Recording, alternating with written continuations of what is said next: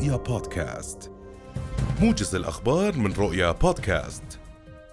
أكد جلالة الملك عبد الله الثاني ضرورة التحرك فورا لوقف إطلاق النار في غزة وحماية المدنيين وضمان إيصال المساعدات الإنسانية إلى هناك دون انقطاع. وحذر جلالته خلال استقباله اليوم رئيسة المفوضية الأوروبية من تفاقم الوضع الإنساني في القطاع. داعيا المجتمع الدولي إلى وقف هذه الكارثة الإنسانية احتراما للقانون الدولي وميثاق الأمم المتحدة. وشدد جلالة الملك على أن استمرار تل أبيب في حربها البشعة على غزة وانتهاكاتها الشرعية في الضفة الغربية والقدس سيدفع إلى انفجار الأوضاع في المنطقة بأسرها. من جانبها عبرت رئيسة المفوضية الأوروبية عن تقديرها لدور الأردن في مجال الدعم الإنساني للمدنيين في غزة ودور المستشفى الميداني العسكري بهذا الخصوص. وتم التأكيد خلال اللقاء إدانة إدانة العنف من قبل المستوطنين في الضفة الغربية. يبدأ نائب رئيس الوزراء وزير الخارجية وشؤون المغتربين أيمن الصفدي اليوم جولة وزارية إلى عواصم عدد من الدول دائمة العضوية في مجلس الأمن في سياق انطلاق أعمال اللجنة الوزارية المكلفة من القمة العربية الإسلامية التي تستهدف بلورة تحرك دولي لوقف الحرب المستعرة على غزة.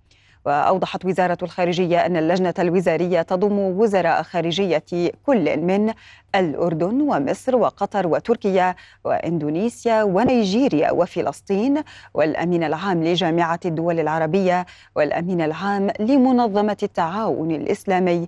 وستكون وجهتها الأولى هي الصين. وقال الناطق الرسمي باسم الوزارة سفيان الإقضاء إن أعضاء اللجنة سيلتقون كبار المسؤولين ووزراء الخارجية في الدول التي ستشملها الزياره بهدف حشد الدعم الدولي اللازم لإطلاق تحرك فوري وفاعل لوقف الحرب على غزة وإيصال الصورة الحقيقية للمعاناة والكارثة الإنسانية التي تنتجها هذه الحرب وتعرية جرائم الاحتلال الوحشية بحق المدنيين الفلسطينيين. أفاد مصدر طبي في غزة بارتقاء 31 شهيدا في غارات للاحتلال الإسرائيلي استهدفت منازل وسط قطاع غزة الليلة الماضية. واستمر قصف الاحتلال الإسرائيلي على مناطق متفرقة في غزة.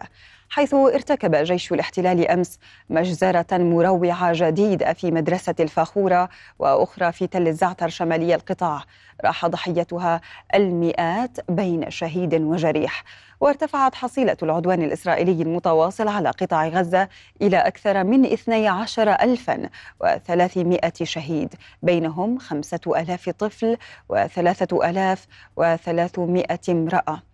بالإضافة إلى ثلاثين ألف إصابة. استشهد فجر اليوم فلسطينيان وأصيب آخرون برصاص قوات الاحتلال خلال اقتحامها جنين وبيت لحم في الضفة الغربية المحتلة. ونفذ جيش الاحتلال الإسرائيلي فجر اليوم اقتحامات في مدينة جنين وبلدة طمون جنوب شرق طوباس ومخيم بلاطة شرقية مدينة نابلس ومخيم العروب شمالي الخليل ومخيم دهيشة جنوبية بيت لحم في الضفة الغربية المحتلة. كما اقتحم مخيم قلنديا شمال القدس المحتلة. تنضم إلينا مباشرة من رام الله مراسلة رؤيا آية الخطيب. أهلا بك آية. ما هي آخر التطورات حيال الاقتحامات في الضفة الغربية؟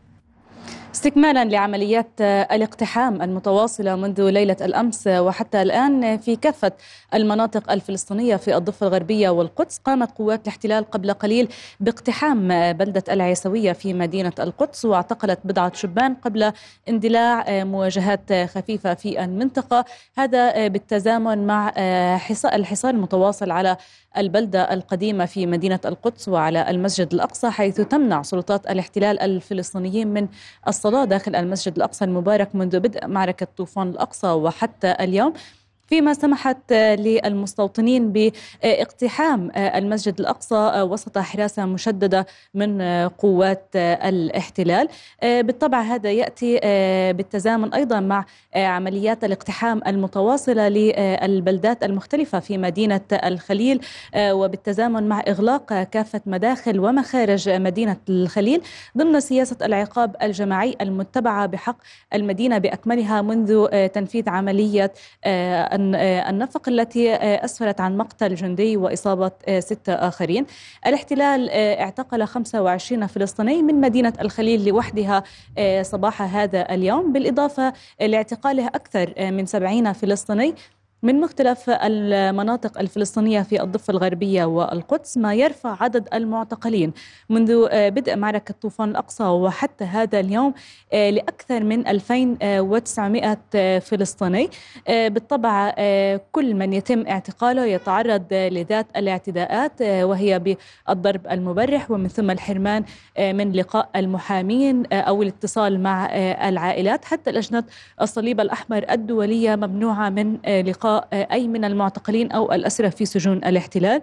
في ظل مواصلة قوات الاحتلال وإدارة مصلحة السجون لعمليات اغتيال الأسرى داخل سجون الاحتلال حيث قامت بالأمس باغتيال أحد الأسرى وهو ثائر أبو عصب المعتقل منذ 19 عاما والمحكوم ب 25 عاما وهو الأسير السادس الذي يتعرض لذات السياسة ولعملية اغتيال ممنهجة داخل سجون الاحتلال وذلك نتيجة الضرب الذي يتعرض له نعم. الأسرى الأسرة في ظل الحرمان من الماء والطعام وحتى من الحديث مع العائلات لقاء نعم. العائلات شكرا جزيلا لك مراسلتنا من رام الله أي الخطيب لك جزيل الشكر قال رئيس حكومة الاحتلال الإسرائيلي بنيامين نتنياهو إنه حتى اللحظة لم يكن هناك أي صفقة بخصوص المحتجزين لافتا إلى أن السلطة الفلسطينية بشكلها الحالي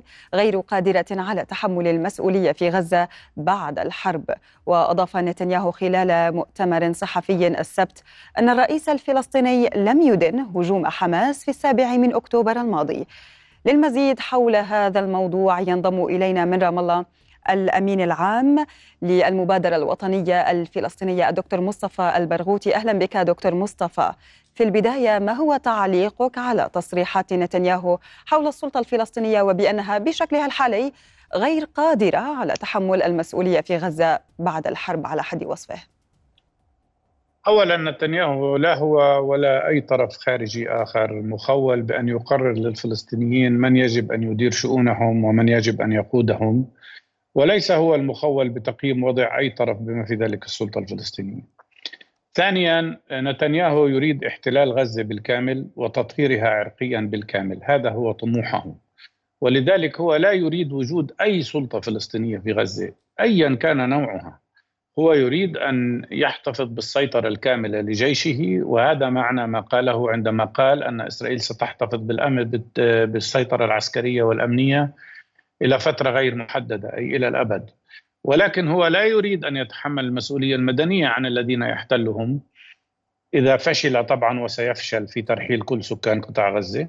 لذلك هو يبحث عن طرف ما يعمل لديه كوكيل أمني وكوكيل مدني آه، لإعفائه من مسؤولية آه، الأعباء المدنية عمن تحت الاحتلال. هذا المخطط الإسرائيلي آه، مخطط لن يمر ولا يوافق عليه أحد ولكن هذا ما يريد نتنياهو. لذلك هو يعترض على أي وجود لأي سلطة فلسطينية حقيقية. ونحن نقول أن الشعب الفلسطيني هو الذي يقرر من يحكمه ومن يقوده بشكل عام.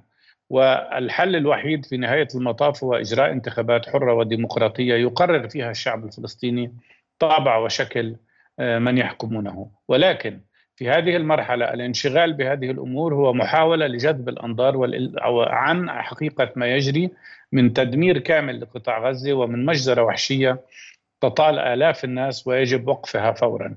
الآن كل التركيز يجب أن يكون على وقف إطلاق النار وفلسطينيا يجب توحيد الصف الوطني بشكل كامل وإظهار أن لدينا قيادة وطنية موحدة في وجه محاولات إسرائيل التي تعتمد مبدأ فرق تسد مثل كل أنظمة الاستعمار في السابق. دكتور مصطفى لو اطلعنا يعني بنظرة استباقية وفي ظل كل التصريحات والسيناريوهات المطروحة حول شكل غزة ما بعد الحرب كيف ستكون السيناريوهات المحتملة لغزة بعد انتهاء الحرب برأيك؟ اولا نحن نرفض ولا يمكن أن نقبل أن تكون غزة مفصولة عن الضفة الغربية أو عن سائر أرض فلسطين. وإذا كانت ستكون دولة فلسطينية فغزة جزء لا يتجزأ منها ولا يمكن أن يسمح بفصلها وإجراء ترتيبات منفصلة لها وخاصة. ثانيا من قال أن إسرائيل ستنجح في تحقيق أهدافها السياسية من هذه المعركة؟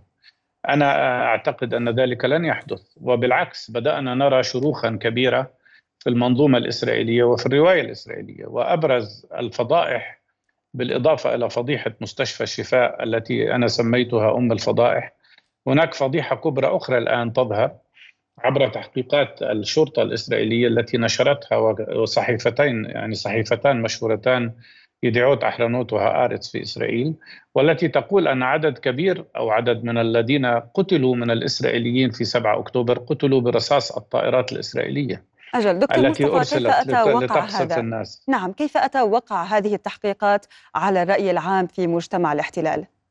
صاعقة هذا سيسبب صاعقة وهذا يعني يضاف إلى آثام نتنياهو آه، ويؤكد أنه لا يمكن إلا أن يكون مصيره ونهايته هو السجن فعلا وأنه سيضطر أن يترك موقع رئيس الوزراء بسبب هذه التحقيقات وأيضا بسبب قضايا الفساد التي تلاحقه. آه، ولكن بالذات لأنه في هذا الوضع هو غير مخول أصلا بأن يقرر ماذا سيحدث في إسرائيل فبأي حق يعني يعطي لنفسه الحق في أن يقرر من سيكون يدير غزة للفلسطينيين ومن سيحكم الفلسطينيين؟ هذا أمر ليس بيده ولن يكون بيده. ونحن لن نوافق أصلا على ما قاله بايدن بأن أي حكم فلسطيني يجب أن يكون مقبولا من إسرائيل. نحن لا نقبل أن يكون لدينا حكم عميل لإسرائيل أو تابع لإسرائيل أو خاضع لإسرائيل. أما بالنسبة للتحقيقات ففعلا هي الآن بدأت صاعقة كبرى. ستجرف ليس فقط نتنياهو بل كل المنظومة العسكرية بما في ذلك وزير جيشه. لأنه هؤلاء هم الذين أخفوا المعلومات عن المجتمع الدولي وأخفوا المعلومات حتى عن المجتمع الإسرائيلي وقاموا بصناعة وصياغة أسطورة كاذبة حول ما جرى حقيقة في 7 أكتوبر واخترعوا أكاذيب آه، تم كشفها الواحدة تلو الأخرى مثل قطع رؤوس الأطفال واغتصاب النساء وغير ذلك. الآن يتضح أن عدد كبير من المدنيين الإسرائيليين الذين قتلوا لم يقتلهم الفلسطينيون وإنما قتلهم القصف الإسرائيلي الذي قتل أيضا 200 شهيد فلسطيني معهم. وهذا يفسر مظاهر الدمار وحرق السيارات. هذا يعني أنه كان في قصف بالطائرات وليس آه، إطلاق رصاص على الناس من من الأرض. دكتور مصطفى مع كل هذه الشروخات التي تفضلت بالحديث عنها في المجتمع مجتمع الاحتلال وكذلك في حكومة الاحتلال يأتي جو بايدن في الآونة الأخيرة ويردد كثيرا مصطلح حل الدولتين أريد أن أسأل هل فعليا أمريكا تتناول مفهوم حل الدولتين بمعناه المقصود عربيا ودبلوماسيا أم أنها تنظر لهذه الجزئية بصورة مختلفة؟ وبعجالة دكتور مصطفى عندما يقول بايدن أن الحكم الذي يجب أن يكون يجب أن يكون مقبولا لإسرائيل هذا أن يعني أنه يرفض حق تقرير المصير للشعب الفلسطيني ويرفض حقنا في دولة حقيقية. الولايات المتحدة وأوروبا وليس فقط الولايات المتحدة معظم الدول الأوروبية استخدمت فكرة حل الدولتين ككليشيه. للهروب من مسؤولياتها. لم تمارس عقوبة واحدة على إسرائيل بسبب الاستعمار الاستيطاني الذي تمارسه في الضفة الغربية منذ 30 عاما والذي زاد عدد المستوطنين من 120 ألف إلى 750 ألف. ولا عقوبة واحدة استخدمت ضد إسرائيل. لذلك إذا أرادوا حل دولتين عليهم أن يجبروا إسرائيل على إزالة المستوطنات بالكامل من الضفة الغربية والقدس المحتلة. نعم دكتور مصطفى شكرا جزيلا لك. دكتور مصطفى البرغوثي كنت معنا في هذا الموجز لك جزيل الشكر. هذا ختام الموجز في أمان الله.